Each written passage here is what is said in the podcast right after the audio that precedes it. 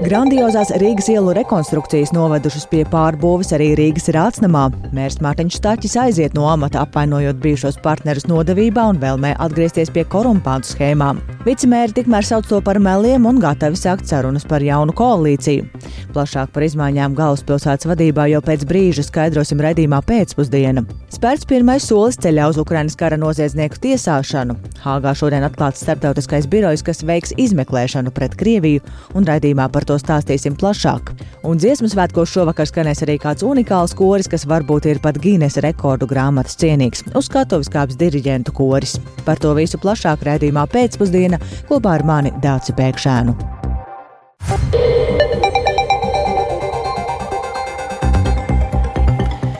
Pūkstens ir 4,5 minūtes, skan pēcpusdienas ziņu programma, skaidrojot šodienas svarīgus notikumus. Studijā Dāca Pēkšēna, labdien!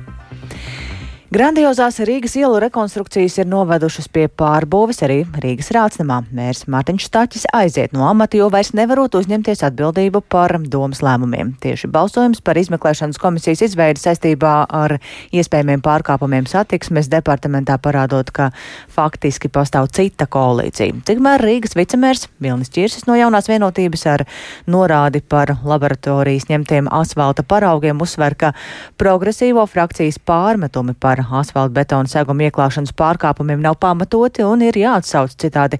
Turpmāk sadarbība koalīcijā nebūšot iespējama. Vienlaikus arī Čirsis neizslēdz, ka pats būtu gatavs kļūt par Rīgas mēru. Par uh, visu vairāk notiekošo Rīgas domē un tām peripētījām ir gatavs stāstīt arī kolēģis Jānis Kīncis, kurš šobrīd pievienojas studijās. Sveiks, Jāni!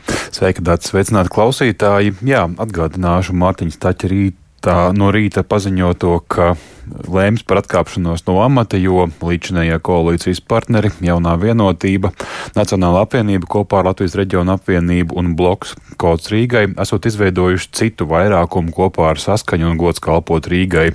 Lēmumus vairs nepieņemot kopā ar par un progresīvo frakciju, kuru pārstāv arī Staķis. Šo, apgalvo, šo apgalvojumu apstiprinot pagājušajā nedēļā notikušais balsojums par jaunas izmeklēšanas komisijas izveidi, iespējamo pārkāpumu izmeklēšanai satiksmes departamentā. Un šīs komisijas izveidas taķis saist ar vēlmi paslaucīt zem tepiķa jau sākto pārbaudi par neskaidru vismaz 1,6 miljonu eiro izmantojumu ceļu remontos. Tātad šāds saimniecisks jautājums ir kļuvis politisks un jaunas izmeklēšanas komisijas izveidi koalīcijas partneri panākuši ar opozīcijas eh, atbalstu un šādos apstākļos mērs vairs nevarot uzņemties atbildību. Tas, kas ir iezīmējies, ka mums ir šobrīd fundamentāli dažādi uzskati par to, kā pilsētai būtu jāattīstās tālāk. Es vienmēr ticēju, ka mums ir jāiet šajā ziemeļvalstu virzienā, kur politiķiem nav tieši ietekmes ne uz kapitāla sabiedrībā, ne patiesībā arī uz domas darbiniekiem. Taču mēs redzam, ka šobrīd ir izveidots tāds jauns vairākums, kur eh, mani nu, jau bijušie kolēģi Vilnis Čirsis, Edvards Ratnieks, Linda Ozola ir slēguši vienošanās ar um, opozīcijas partijām, gods kalpot Rīgai saskaņu, lai faktiski piedāvātu tādu pilnīgi citu modeli kas ir tāds lēņu modelis, kur faktiski tiek strikti sadalīts politiskās atbildības. Un, attiecīgi, faktiski uz papīra šobrīd ir viena koalīcija, bet paralēli darbojas viens cits vairākums. Nu, un, protams, ka šādās situācijās nevar uzņemties atbildību par tiem lēmumiem, kas domē tiks pieņemti. Pēc šī paziņojuma Rīgas domē ietilpstošās frakcijas jaunā vienotība un pārējie politiskie partneri ir gatavi turpināt darbu Rīgas domē un sagaida arī pārunas ar progresīvajiem, taču vispirms viņi līdz otrdienai sagaida šo melīgo izteikumu atsaukšanu par pārkāpumiem asfalta betona segumu ieklāšanā, un viens no vicemēriem par satiksmes jomu atbildīgais Vilnis Čirsis no jaunās vienotības to pamato arī ar sešiem urbumu paraugiem, kurus šodien varēja arī apskatīt. Tie apliecinot, ka darbi nu, veikti atbilstoši līgumam. Tā tad ir redzams gan arī tā asfalta betona apakšējā kārta, par kuras trūkumu iepriekš esot bijis norādīts šajā trauksmes cēlēja ziņojumā, uz kuru balstījās visi turpmākie lēmumi par satiksmes departamenta vadības atsaukšanu Un vienlaikus gan ķirsim nesot izprotama progresīvo pretestību plašākas izmeklēšanas komisijas izveidēji, kas sniegtu detalizētāku izvērtējumu nekā viena cilvēka līdz šim veiktā izmeklēšana, tā vērtē ķirsis. Un runājot par turpmākās sadarbības iespējām, progresīvo frakcijas vadītāja Mārtiņa Kosoviča izteikumi un Rīgas vicemēra Viļņa Ķirša aicinājums viņiem atsaukt savus izteikumus par pārāk labām sadarbības iespējām neliecina, vismaz pagaidām. Paklausīsimies. Ja arī pārējie koalīcijas partneri sapratīs, kāpēc ir šādas asas rīcības, ka mēs nevēlamies saimniekot tā, kā tas bija iepriekšējā domu sasaukumā, kā to darīja Nils Ušakovs un Andris Amerikas, tad tā sarunas ir iespējams. Bet, ja viņi tomēr vēlēsies veidot šos politiskos aizgaldus, ka katrs ir atbildīgs par kaut kādām kapitāla sabiedrībām. Varēs likt kapitāla sabiedrībās un departamentos politiskos ielikteņus, nu, tad mums būs grūti ar tādu uh, vairākumu strādāt. Tas, ko mēs sagaidām no progresīvajiem, lai viņi publiski atsauc savus apmelojošos, nekur, nekādos pierādījumos nebalstītos apgalvojumus, kas nu, klai met ēnu pār visu Rīgas domu. Un, Vienlaikus jaunās vienotības Rīgas domas frakcijas vadītājs Olofs Pulks staķa atkāpšanos saista arī ar politiskās pieredzes trūkumu, un tas beidzies ar to, ka mērs atkāpjas, nevis turpina risināt pilsētas problēmas. Staķis spējās un interesēs būtu bijis pašam inicijēt plašāku izmeklēšanu saistībā ar šiem skandaloziem paziņojumiem par Rīgas domas satiksmes departamenta darbu. Savukārt vicemērs Edvards Ratnieks no Nacionālās apvienības piebilst, ka iestrēguši un kavēt arī lēmumi par ielu pārdēvēšanu un latviešu valodas ieviešanu skolās. Savukārt trešā Rīgas vicemēre Linda Ozola no Kauts Rīgai arī norādīja uz citiem līdzinājās domas vadības trūkumiem, piemēram, jau vairākus mēnešus savās rokās koncentrējot pārāk lielu varu. Ja koalīcijā ir četri politiskie spēki, ir jāsaprot, ka viņi visi savā starpā ir sadarbības partneri. Viņi neviens nav nākuši atbalstīt kādas vienas, lai tā būtu lielākā koalīcijas frakcijas e, programmas izpilde. Un šajās savstarpējās cīņas trūkumā šobrīd, e, protams, tas viss e, novedis pie tās situācijas, kāda ir izveidojusies. Tā vecumē Rozola, bet Jānis saka, vai ir kaut kas vairāk zināms par tālākiem notikumiem Rīgas domēs saistībā ar uh, vadības maiņu? Lai šis Mārtiņa Staķa paziņojums par atkāpšanos no mēra amata stātos spēkā, tas ir jānolasa Rīgas domas sēdē, un tāda tuvākajās dienās nav paredzēta. Un uz to, par to jautāja arī vicemēram Vilnim Čirsim, un viņš pieļāva, ka viņš varētu arī inicijēt ārkārtas sēdi, savācot 20 deputātu parakstus, tomēr sagaidot paša Mārtiņa Staķa attiecīgu lēmumu par sēdes sasaukšanu, un vienlaikus, kā jau minēju, līdzinējie koalīcijas partneri pro progresīviem prasa atsaukt šos pārmetumus. Zināms, ka progresīvo frakcijas sēde notiks otrdien pēcpusdienā, un tajā viņi lems par turpmākajiem soļiem. Un, ja par sadarbību ar progresīviem neizdodas vienoties, tad trīs frakcijām bez viņiem domē nebūtu vairākuma, un par sadarbību nāktos runāt par, tagadē, ar tagadējās opozīcijas pārstāvjiem. Un, Nu, lai arī kāds būs šis tālākais process, tad nonāk, tomēr nonākšanu līdz Rīgas domas ārkārtas vēlēšanām politisko spēku pārstāvji noteikti centīšoties nepieļaut. Paldies par eh, skaidrojumu un šī brīža situācijas raksturojumu kolēģim Jānim Kīncim, bet um, mums pievienojas telefoniski arī Rīgas Stradiņu universitātes politikas zinātnes katedras docenta Lelda, Lelda Metla Rozentāla, kurai vēlamies vaicāt arī plašāku komentāru par um, notiekošo Rīgas domē. Labdien! Labdien! Cik jums bija negaidīts vai gaidīts šāds staķu lēmums, un kā jums šķiet, kāpēc tieši šajā brīdī viņš izlēma šādi rīkoties? Nu, faktiski šis balsojums domē ar uh, to komisijas veidošanu vai neveidošanu attiecībā uz uh, pārmetumiem par uh, ceļu būvniecības jautājumiem Rīgā uh, nu, liecināja par to, ka Staķa kungs ir zaudējis savu autoritāti pārējo koalīcijas partneru vidū.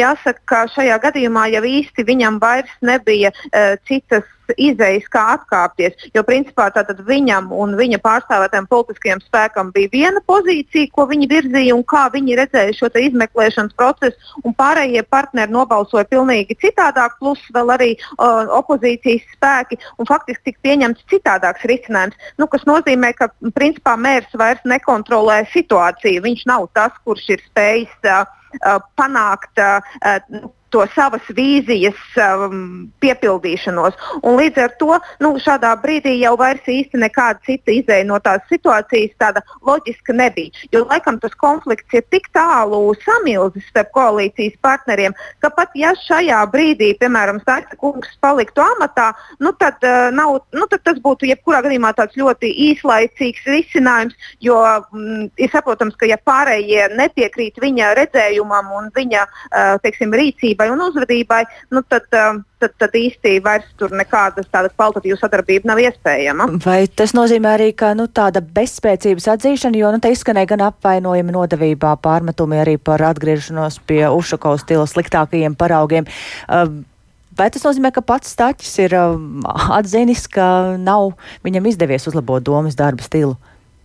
Uh, nu, zināmā mērā es domāju, ka šis te m, viss uh, gala iznākums, kāds tas ir ar Stačkunga atkāpšanos, protams, parāda to, ka uh, viņš ir atzinis zināmā mērā savu vājumu. Viņš, protams, var teikt, ka tā ir uh, nu, sliktā, sliktie pārējie kolēģi, kuri lūk, viņu nesaprot, bet faktiski jau ir jāsaprot, ka domas priekšsēdētājs, es domāju, šeit var ļoti piekrist arī Ozols kundzei, kas ļoti skaidri to noformulēja ka tieši tāpat kā valdībā, mēs zinām, ka premjera uzdevums ir uh, saturēt kopā visus koalīcijas partnerus, neraugot neraugoties uz to, ka katram ir pilnīgi noteikti savas uh, individuālās parteiskās intereses un savu vēlētāju intereses. Un tāpat Rīgas domē jau tā situācija nav citādāka. Tātad priekšsēdētājs nav ne kungs, ne ķeizars, ne uzņēmuma vadītājs, kurš diktē savus noteikumus un pasaka visiem, un visiem ir jāklausa. Nē, viņš ir uh, līderis, kura uzdevums ir spēt uh, veidot dialogu starp visiem koalīcijas partneriem. Un ja viņš to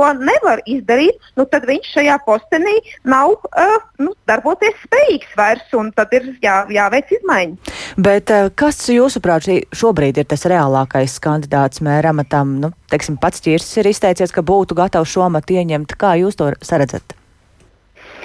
Nu, protams, ja mēs skatāmies matemātiski, teiksim, no tiem, kas šobrīd ir bijuši koalīcijā, tad jaunās vienotības pārstāvis Čirsis ir nākamais kandidāts uz šo te, posteni, jo nu, viņam tad ir šīs deviņas balss um, domē.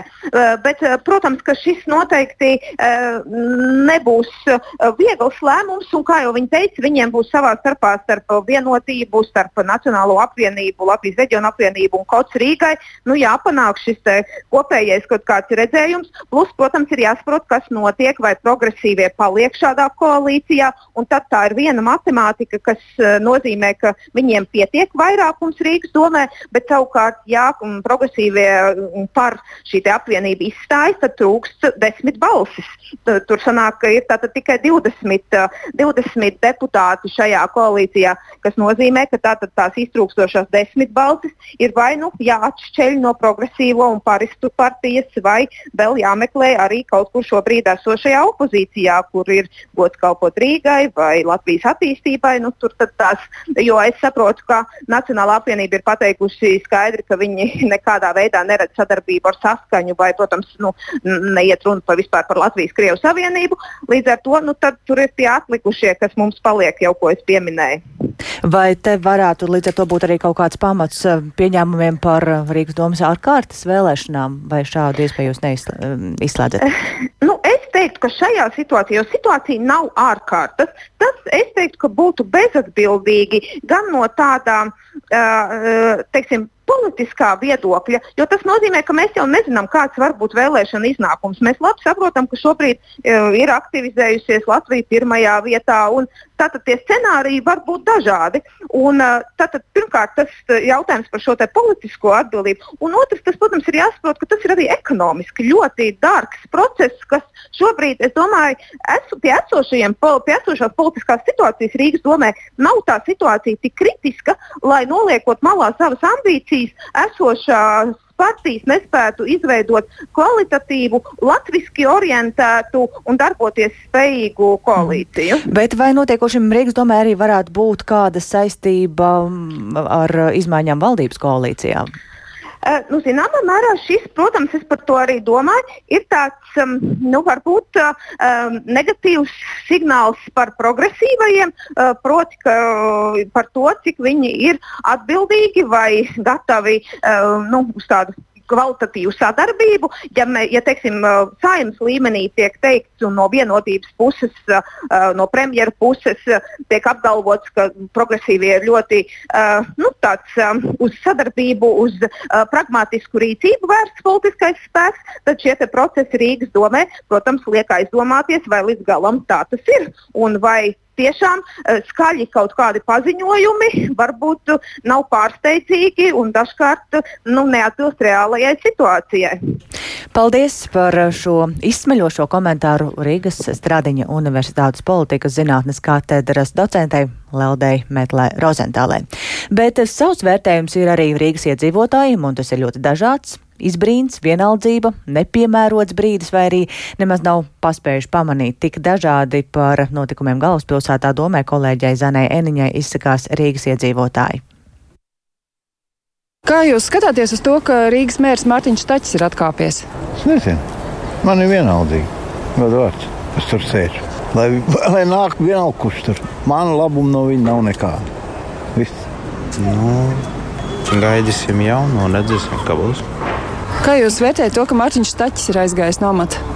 Nesakoju līdz ziņām, nemācīšu komentēt neko vairāk. Bet es lasīju Facebookā, nē, es redzēju, ka Facebookā bija ziņa, ka viņš eh, vēlas atkāpties no mērām. Tas bija arī viss vairāk. Bet tas Rīgai svarīgi, vai ne? Par cik nesakoju līdzi, nemācīšu spriest. Bet, jā. Ko jūs domājat par to, ka Rīgas mērs Mārtiņš Taķis ir atkāpies no amata? Pilnīgi nav nekādas informācijas, jo es dzīvoju Vācijā un esmu trešo dienu Latvijā. Paldies! Nē, mēs no Daugopils neesam interesējušies, bet tāda informācija bija, ka tā varētu notikt. Tas gan ir dzirdēts. Vai tas ir svarīgi jūsuprāt? Rīgai uz šādiem svētkiem domāju, ka nu, tas nebija tas pareizais brīdis laikam. Vajadzēja novadīt svētkus un tad varbūt apdomāt šo lēmumu. Paldies! Lūdzu. Tas par amatiem un izmaiņām Rīgas domē, bet tomēr galvaspilsētā lielākais notikums šobrīd ir dziesmu un deju svētki, un pasākumu šajā nedēļā ir ļoti daudz.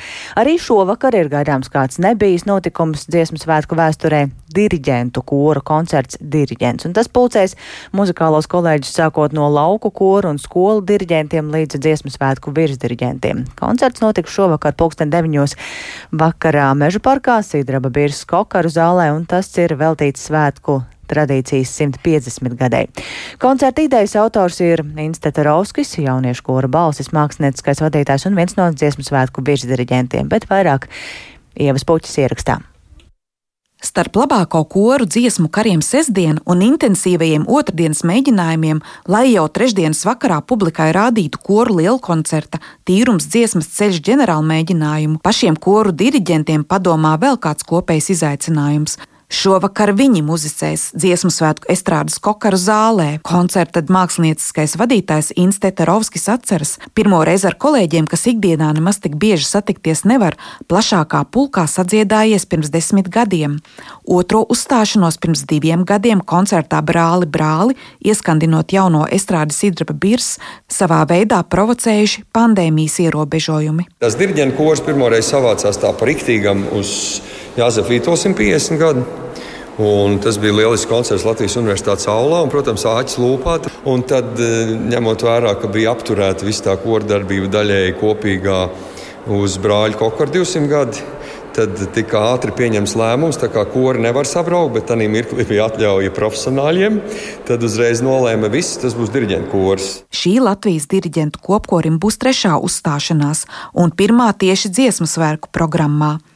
Koncerts ir ļoti svarīgs viņiem pašiem, uzsver Teterovskis. Diriģentiem prasījām aptauju popkoncertiem, dziesmu svētkiem un repertuāru priekš šī diriģenta koncerta. Un tur ir pilnīgi cita pasaule. Tāpēc, ka, nu, kā jau profesionāls, viņš jūt, kas estrādē skan, kas estrādē piederās labāk, bet tad šīs ir tās sirds lietas, ko tie diriģenti grib dziedāt. Nu, ir tā, ka mums tagad ir Latvijas diriģentu čats. Mums tur ir vairāk kā 250, un koncertā būs kopumā ap 200. Tas būs diezgan liels. Un arī nu, izredzētai publikai, ja pareizi sakot, maz vietas kokaru zālē ir, bet es arī uzstāju, ka jābūt kokaru zālē un mums beidzot ir koncerta zāle ar diriģentu vārdu. Vai piedalīsieties diriģentu koncertā? Taujāju dziesmu svētku jaukto koru fināla pirmās vietas ieguvēja kora Juventus mākslinieckajam vadītājam Kasparam Ādamsonam. Jā, protams, ka es gan dziedāšu, gan diriģēšu, tāpēc, ka nevēl tas ir diriģentu koris un kori ir jādzied. Jā. Vai diriģents vispār spēja dziedāt kopkorī? Diriģents taču ir tik liels individualists. Tas ir ļoti nosacīti. Es šo mītu gribētu par diriģentiem nedaudz apgāzt. Nu, protams, ka mēs esam priekšā un mēs esam uzmanības centrā un vadām procesu, bet tajā pašā laikā diriģenta amats viņš paģēra to, ka nu, ir ļoti daudz upurēšanās. diriģents, nu, manā izpratnē, ir absolūts komandas cilvēks, nevis solists. Diriģenta profesijas prestižs mūsu sabiedrībā acīm redzot ir ļoti augsts. Arī dziesmu svētku koru skatas finālā publika redzēja virkni pavisam jaunu, daudzsološu diriģentu. Bet īpašs diriģentu koris Varbūt tas ir pat Ginesa rekorda cienīgs fenomens, jautāja muzikologam, koncertzāles lielais dzintras mākslinieckajam vadītājam Orestam Silabriedim. Atbilde ir negaidīta. Droši vien te būs maza pretruna. Patiesībā koncertu diriģents Institūts rīko galvenokārt tādēļ, lai atgādinātu sabiedrības pārstāvjiem par diriģenta profesijas unikalitāti un absolūti nepietiekamo diriģenta darba novērtējumu. Ir skaidrs, ka daudz kur Latvijā tas milzīgais darbs, ko diriģenti dara, vienkārši netiek novērtēts. Taču par šī vakara diriģentu koncerta augsto kvalitāti muzikologs ir pārliecināts jau pat pirms tā noklausīšanās tā koncentrācija, kad cilvēki, kuri prasa no citiem, pēkšņi nonāk uz skatuves atskaņotāja mākslinieka veidolā un prasa paši no sevis un cits no cita, nu, tur veidojas kaut kāda absolūta, absolūta jauna enerģija. Un tāpēc tas diriģentu kurs, nu, viņš katreiz sagādā kaut kādus pārsteigumus ar to, ar to skaņu, bet arī ar to ideju. Koncerta starpbrīdī paredzēts vēl viens īpašs notikums. Iepratim Kokaru zāles ieejai atklās pieminekli mūžībā aizgājušajiem komponistam Mārtiņam Braunam. Ieva Puķa, Latvijas radio. Taču svētki pulcē arī amatniekus un mājražotājus. Nomas maksa par tirzniecības vietu tirziņā Bērmeņu parkā vai Esplanādē šajos dziesmu un deju svētkos ir 700-800 eiro. Un amata meistars sūrojas, ka cenas ir tik augstas, ka iznīcināšot amatniecību. Ēdinātājiem par tirzniecības vietu meža parkā svētku lielāko pasākumu norises vietā ir jāmaksā tūkstoši, un tāpēc arī par vienkāršu maltīti var nākties maksāt kā par mielastu restorānā, bet vairāk par visu Zānes Eniņas ierakstā. Kaut gan pēc amatnieku iebildumiem Rīgas pašvaldība piekāpusies un samazinājusi tirdzniecības vietu cenu par 25%, tik un tā tas nav lēti. Par astoņām dienām Vērmeņu parkā vai septiņām esplanādē jāšķirs no 7-800 eiro. Kāda kundze, kura Vērmeņu parkā tirgo dažādus rokdarbus, nomā vietu uz pusēm ar kolēģi, jo viena to nevar atļauties, un tāpēc ir sašutusi. Būtībā Latvijā tiek iznīcināta amatniecība gan pa telšu krāsām, gan tā akstīšanās. Tagad var braukt ar mašīnām un Dievs zina ar ko. Tā kā kāda cita firma rīko, tad mums vajag eh, noteiktā krāsā paklājiņas. Nu, vai tas ir? Nu, vienkārši tiek, lai mēs nevaram, lai nevaram, lai nevaram. Jā. Visu laiku tiek klupināti. Jāatgādina, ka Rīgas doma arī grasījās noteikt, ka amatnieki un mājražotāji savu preci drīkstēs tirgot tikai pelēkās teltīs, bet tagad šai prasībai noteikts pārējais periods. Runājot par tirzniecības vietu dārdzību, tirgotāji tomēr cer, ka Rīgas viesu pieplūdums svētkos ļaus arī nopelnīt. Turpina ar etnogrāfiskiem rakstiem apdrukātu zīda lakatu pārdevēja Jolanta. Ir cerība, ka varbūt nedēļas laikā tomēr uh, nu, varēsim atsist atpakaļ to ieguldīto naudu. Jo nu, nav, nav jau tikai tirdziņa vieta, ir jau produkts, kas ir jāsagatavo, visa pašizmaksa. Un, ja vēl jānolgo kāds, kas stāv, tas nu, kopā sanāk nu, padārgs cipars. Daudzi tirgotāji atzīst, ka cēluši cenas, taču ne visi. Stāsta stikla, rotas lietu un koka izstrādājumu pārdevēja Marta. Mēs arī ļoti ceram, ka šīs satraucošās ziņas, ka viss ir dārgi un viss būs dārgi, ka tas nenobiedēs cilvēks, kas nāks pie mums un gribēs kaut ko nopirkt. Jo mēs tiešām gribam, mēs šīs skaitās lietas esam radījuši, lai priecētu jūs un arī lai mēs varētu uzturēt savas ģimenes un attīstīties. Vai nācās pielikt pie cenas, tāpēc, ka tās tirdzniecības vietas ir padārgas?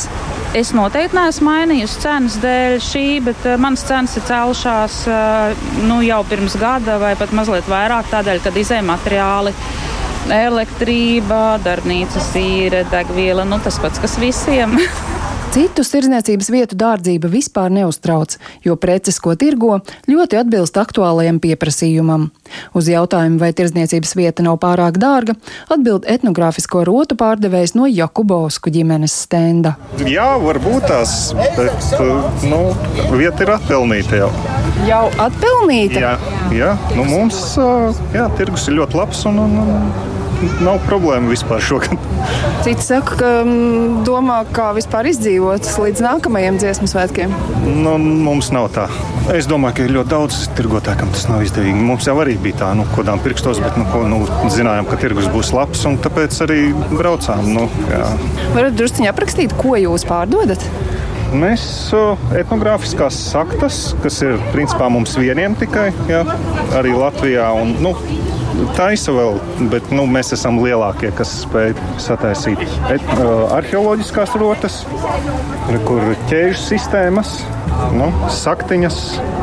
Su, jā, viss kas, vis, kas nepieciešams dalībniekiem, gan etnogrāfiskiem tērpiem, gan arheoloģiskiem tērpiem. Ievērojami vairāk par tirzniecības vietu jāmaksā ēdinātājiem meža parkā, estrādes sidraba birstūmā. Šīs summas mērāmas tūkstošos, tāpēc apmeklētājiem jārēķinās, ēdienas maksās padārgi. Turpina Latvijas restorānu biedrības prezidents Jānis Jēnzis. Uz četrām dienām tas sanāk, ja jūs vēlaties vēl tirgot alu vai sidru, 8000 apmēram, tas ir gandrīz 2000 dienā. Protams, ka ir papildus izmaksas uzņēmējiem, lai nodrošinātu transportu, darbinieki un arī pašizmaksas, un līdz ar to, protams, visas izmaksas ir jāiekļauj cenā, un tas varētu, diemžēl, arī atspogļoties uz šo gala cenu. Jānis Jensis nevarēja pateikt, cik varētu maksāt ēdiena porcija vai dzēriena glāze, taču bija aptuveni aplēsis, ka tas būtu tas pats, kas pusdienot restorānā, kuram par īri un komunālajiem pakalpojumiem mēnesī jāmaksā ap 60 tūkstošiem eiro. Tā ir summa, kas desmitkārtīgi pārsniedz nekustamo īpašumu īres cenas. Zana Eniņa, Latvijas radio. Tas par dziesmu un deju svētkiem, bet vēl paturpinot par amatiem. Neprofesionāla neizdarība, nepieļaujami lēmumi, neturētu solījumi nozarē. Ar šādiem pārmetumiem izglītības un zinātnes ministrei Maundai Čakšai no jaunās vienotības ir nākusi klajā pedagoģa arotbiedrība, jau piekdienas vakarā paziņojot, ka pieprasa viņas demisiju un dodot laiku līdz šodienas darba dienas beigām ministrei atkāpties. Demisijas pieprasījumā ir garš uzskaitījums ar nozares pārmetumiem vismaz 16 punkti sākot ar nesaskaņām par streikā panāktajām izmaiņām pedagoģu darba samaksas finansēšanā un beidzot arī ar pēdējo nedēļu nedienām ar centralizētajiem eksāmeniem. Darba diena šajā brīdī tuvojas noslēgumam, tāpēc esam sazinājušies ar izglītības un zinātnes ministri Andi Čakšu. Labdien! Labdien! Kāda būs eh, jūsu rīcība un vai atkāpsieties no amata, jo arī arotbiedrība ir piedraudējusi, ka ja nu tā nerīkosieties, tad uh, viņi draud ar jauno mācību gadu skolās, ka varētu pat neuzsākt. Halo. Jā, jūs mūs dzirdat? Jā, jā, jā. Tātad par to, kāda būs jūsu rīcība. Nu, e, man jāsaka, es nevaru šobrīd akceptēt arotbiedrības ierosinājumu, un uh, es uh, ne, neatkāpšos. Man jāsaka, ka paldies Venegas kundzei par ļoti smalko nozares problēmu uzskaitījumu, un tiešām es esmu saņēmusi mantojumā nozari ar ļoti daudz būtiskām problēmām, kur mēs varam runāt sākot jau ar pedagoģu at, atalgojumu un slodzes balansu. Un, jāsaka, ka šis ir gads, kurā ir bijis vēsturiski viens no lielākajiem papildus finansējumiem tieši atalgojuma pieaugumam un slodžu sabalansēšanai. Vēl papildus tas nāk klāt no 1. septembra, kas ir 33,8 miljoni eiro. Un, jāsaka, ka jau sākot darbu, mēs kopīgi vienojāmies ar arotbiedrību, ka mērķis mums ir vienots par to, kā nonākt pie lielāka atalgojuma skolotājiem un arī runāt par uh, sludžu sabalansēšanu. Otra tāda būtiskā lieta, man liekas, kur es patiesībā gaidītu lielāku aktivitāti no arotbiedrības puses, ja mēs raugamies tiešām uz šiem centralizētajiem eksāmeniem, tad to rezultāti skaidri rāda, ka mums būtībā ir ļoti daudz jāstrādā šobrīd izglītības kvalitātes, kas ir galvenais galvenais mērķis šobrīd, kā mēs varam nonākt pie labas un kvalitīvas izglītības, lai būtībā mēs iedod saviem bērniem pašu svarīgāko, kas ir no laba izglītība.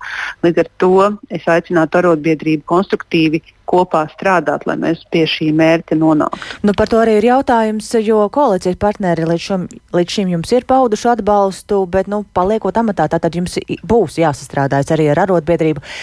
Ko darīsiet un uh, kā jūs cerat nonākt pie tādas konstruktīvas sadarbības, vai tā ir iespējama vispār? Es domāju, ka jeb, jebkurā brīdī, kad abi sarunu partneri grib strādāt pie vienota mērķa, un īpaši, ja mēs runājam par sākotnējā posmā, kad mēs runājam par atalgojumu pieaugumu skolotājiem, es redzu, ka šis mērķis bija viens. Arī šobrīd tas mērķis nav mazinājies, jo ir apstiprināts atalgojuma grafiks, bet skaidrs, ka budžetā mums joprojām būs jārunā par atalgojumu un tātad par naudas apjomu, kas tam ir nepieciešams. Bet otra lieta, ja mēs runājam par par izglītības kvalitāti, tam es domāju, būtu jābūt iezīmētam kā otram kopīgajam mērķim, uz ko mēs virzamies. Un, uh, tad šie ceļi, kā līdz tam nonākt, noteikti ir dažādi. Bet es, protams, vienmēr esmu atvērta dažādu veidu sarunām. Bet tiešām es runāju par sarunām, nevis par uh, manipulāciju un iespējams tādu nu, mobbingu attiecībā pret to, kā katrs redz, kā tam būtu jābūt. Ministrija ir politikas veidotājs, mm. un tā nav tāda vēlmju sarakstu izpildīt vadītāji. Mums ir kopīgi jāatrod labākie risinājumi, lai mūsu bērniem ir kvalitatīva izglītība. Jā, paldies tik tālu izglītības ministra Anda Čakša, un vai ar šādu skaidrojumu būs mierā arī pedagoģa arotbiedrības padome, vai arī sekos kādas tālākas darbības, tad to, to turpināsim skaidrot arī un lūkoties turpmākajos raidījumos. Bet eh, Hāgā šodien ir atvērts starptautiskais agresijas nozieguma izmeklēšanas centrs, un šis eh, īpaši izveidotais birojs palīdzēs vākt un analizēt pierādījumus par Ukrainā pastrādātajiem kara noziegumiem. Tomēr jautājums par to, kādā tiesā šie pierādījumi varētu tikt izmantot, joprojām ir atvērts. Un plašāk par šo tematu mēs tūdaļ apspriedīsimies ar mūsu Brīseles korespondentu Arķomu Konohovu, kurš pievienojas tiešaidē. Sveiks, Arķom! Saki, cik būtiska ir šāda centra izveide? Labdien, Dārts! Labdien, klausītāji! Tiešām šī centra izveide tiek uzskatīta par pietiekami būtisku soli, jo eh, tā tiek veikta pietiekami ātri. Kā norāda vairāki politiķi, tad parasti ir tā, ka karš beidzas, un tikai pēc tam sāk vākt pierādījumus par dažādiem noziegumiem, kas ir notikuši, un mēģina arī visādi saprast, eh, kā varētu saukt pie atbildības eh, tos cilvēkus, kas šos noziegumus ir pastrādājuši.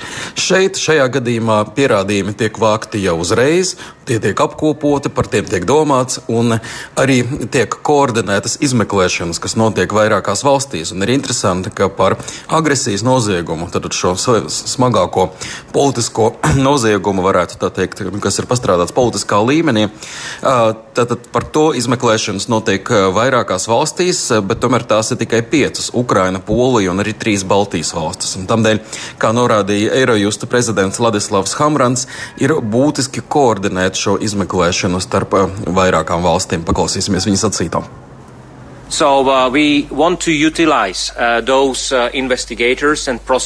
Mēs vēlamies izmantot šos izmeklētājus un prokurorus un uzcelt jaunu, centralizētu līmeni, kas koordinēs izmeklēšanu šajās valstīs. Mūsu mērķis ir apkopot jau esošos pierādījumus vienā datubāzē. Mēs analizēsim jau savāktos pierādījumus, lai saprastu, vai dažādi nozieguma elementi ir pietiekami dokumentēti. Tātad šeit būtiskākais tiešām uzsvars ir uz agresijas noziegumu, ko nevar izmeklēt starptautiskā krimināla tiesa. Jā, bet saki, nu, joprojām atklāts ir jautājums par to, kur tad šādus savāktos pierādījumus izmantos un vispār cik tālu ir šīs diskusijas par starptautiskā tribunāla izveidi.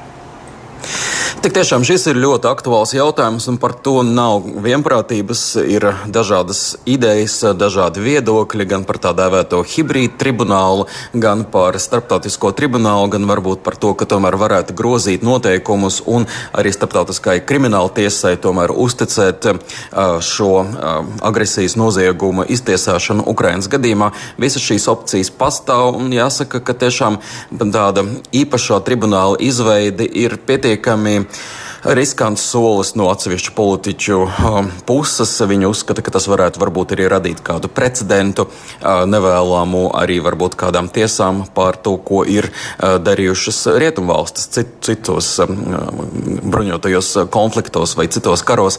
Tamdēļ uh, te valda zināma piesardzība. Bet tomēr paklausīsimies, ko ir sacījis starptautiskās krimināla tiesas prokurors Karims Hans. You know,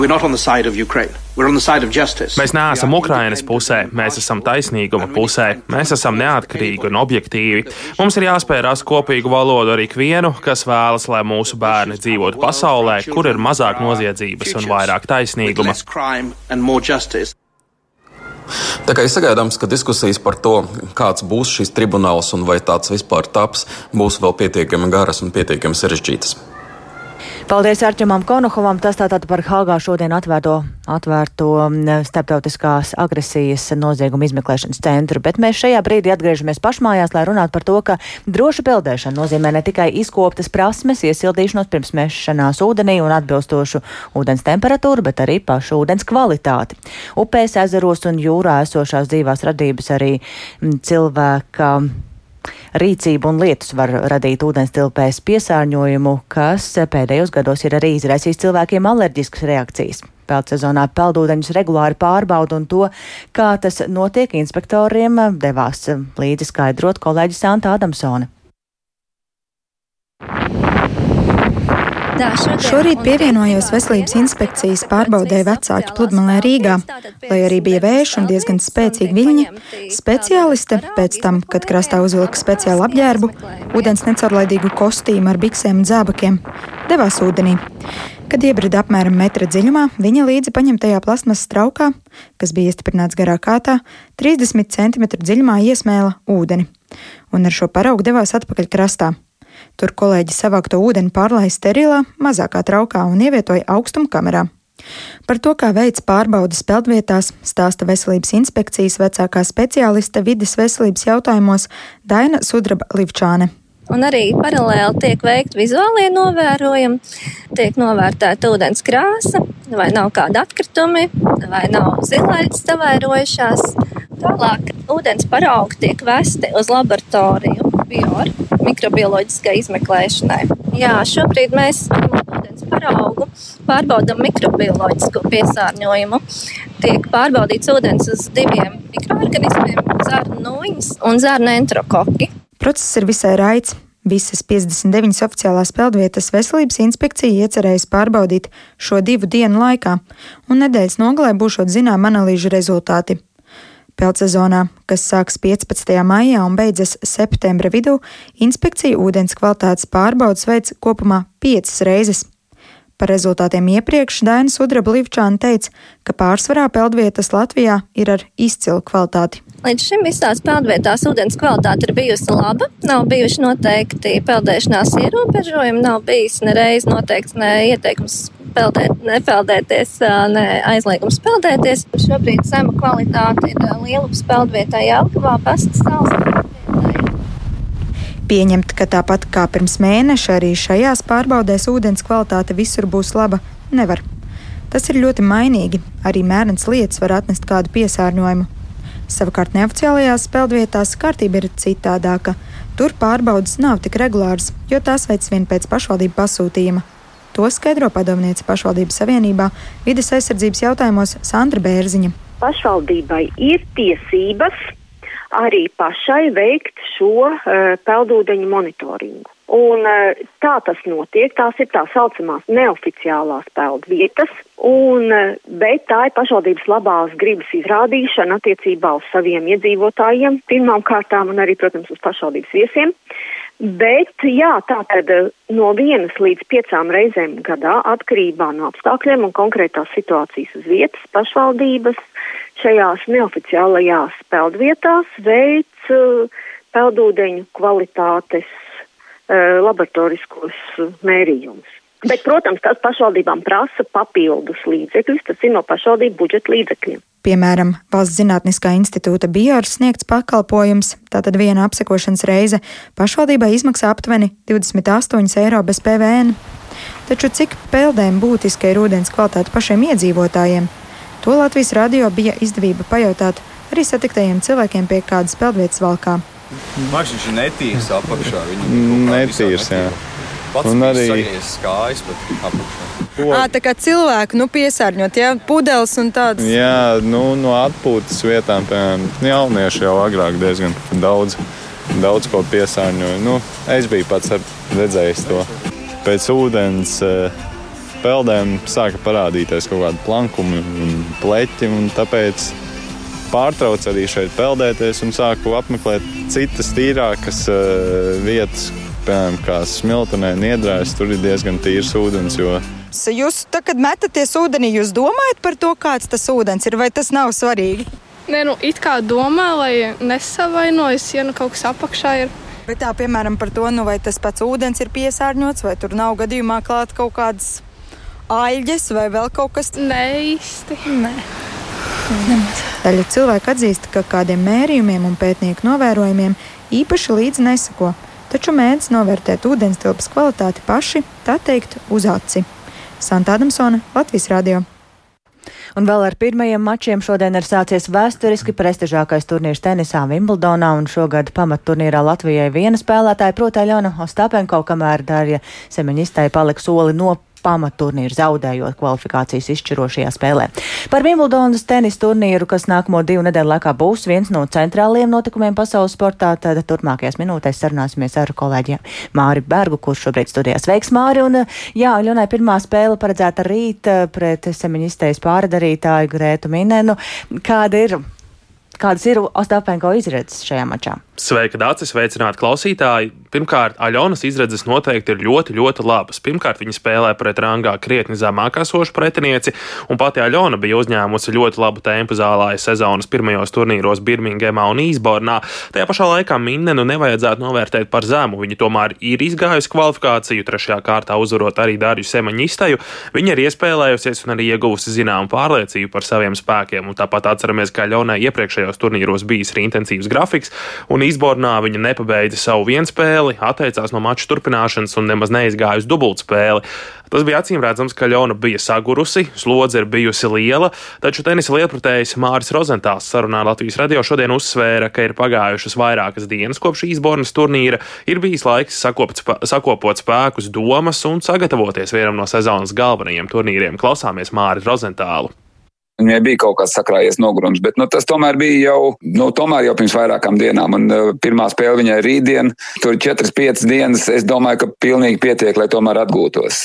Tā kā, tādā ziņā es domāju, ka viņa ļoti labi izdarīja, ka viņa nespēlēja to vienu spēli līdz galam un atteicās no dubultspēles, paņēma pāris dienas pauzi. Tā kā es domāju, ka viņa atgūsies. Nu, viņa ir ļoti spēcīga fiziski tomēr, un es domāju, ka viņa atjaunojās ļoti ātri. Ja viņa būtu spēlējusi līdz galam, gan viens spēle, gan dubultspēle, un tad pēc divām dienām iemudināt, tad tas būtu pavisam jau savādāk. Bet tagad, manuprāt, manuprāt, viņi tomēr viss izdarīja kā pareizi. Tātad no Aļonas rīt ceram sagaidīt uzvaru pirmās kārtas mačā, taču Grand Slam turnīros, protams, regulāri gadās dažādi pārsteigumi un viegli noteikti nekas nenāks. Un, ja mēs runājam par turnīru favorītēm, vai Aļona mēs varam ierindot šo favorīšu vidu, vidū? Jā, palasot ārzemju presi, daudz tenisa speciālisti, arī bijušie spēlētāji Aļonu ierindo starp tām spēlētājām, kas var pretendēt uz titulu, taču viņa nav starp pašām galvenākajām favorītēm uz uzvaru. Ja Aļonai aiziet spēle, izdodas no noķert ritmu, ar veselību viss ir labi un pati spēle arī iet no rokas, tad viņu ir grūti apturēt. Un Aļona pati ir pierādījusi, ka Wimbledonā viņa var spēlēt labi un tik tālu. 2018. gadā viņa aizcīnījās līdz pat pusfinālam, 2017. gadā ceturdaļfināls, taču ir arī zaudējumi pirmajā kārtā. Kā saka ar Aļonu, nekad nevar zināt, bet eh, atceramies kaut kā pagājušo gadu ceturtajā kārtā sāpīgs zaudējums trīs setos pret Tatjānu Mariju, un eh, šī tenisiste Tatjāna Marija Aļonai var trāpīt piedalīties jau otrajā kārtā šajā turnīrā. Viņai vispār izloze šoreiz ir ļoti smaga. Trešajā kārtā varbūt pasaules 13. rakete Beatrice Hadada Maija, un ceturtajā kārtā jau var nākties spēlēt pret pagājušā gada Wimbledonas čempioni Jelenu Ribakinu. Līdz ar to smaga izloze, bet, kā saka sportā, ja tu gribi būt čempions, tad ir jāuzvar jebkurš. Jā, bet eh, tad eh, par tām uzvarām runājot, tad kuri ir tie spēlētāji un galvenie pretendenti uz Wimbledonas titulu, gan, ja mēs runājam par sieviešu, gan arī vīriešu konkurenci? Sieviešu turnīrā Iga Šjontika, pasaules ranga līdere, noteikti galvenā favorīte, taču viņa Wimbledonā nekad vienspēlēs nav tikusi tālāk par ceturto kārtu. Nu, šeit noteikti ir jāmin pagājušā gada čempioni arī Bakina, arī pagājušā gada fināliste Once Žabūra. Viņas tad ir tās galvenās favorītes, un tad ir vesela rindiņa ar tenisistēm, kas var sagaidīt sagādāt galvas sāpes un mēģināt aizķerties vīriešu konkurencē. Visi gaida finālu Novāks Džokovičs, Karls Alkaras. Vai tas tā sakritīs, to mēs redzēsim pēc divām nedēļām. Redzēsim un sekosim līdz paldies Mārim Bergam un ar to arī skan ziņu raidījums pēcpusdienu, ko veidoja Dāts Pēkšēnu un Ilza Aginta, kā arī Kaspars Groskops un Mārtiņš Paiglis. Yeah.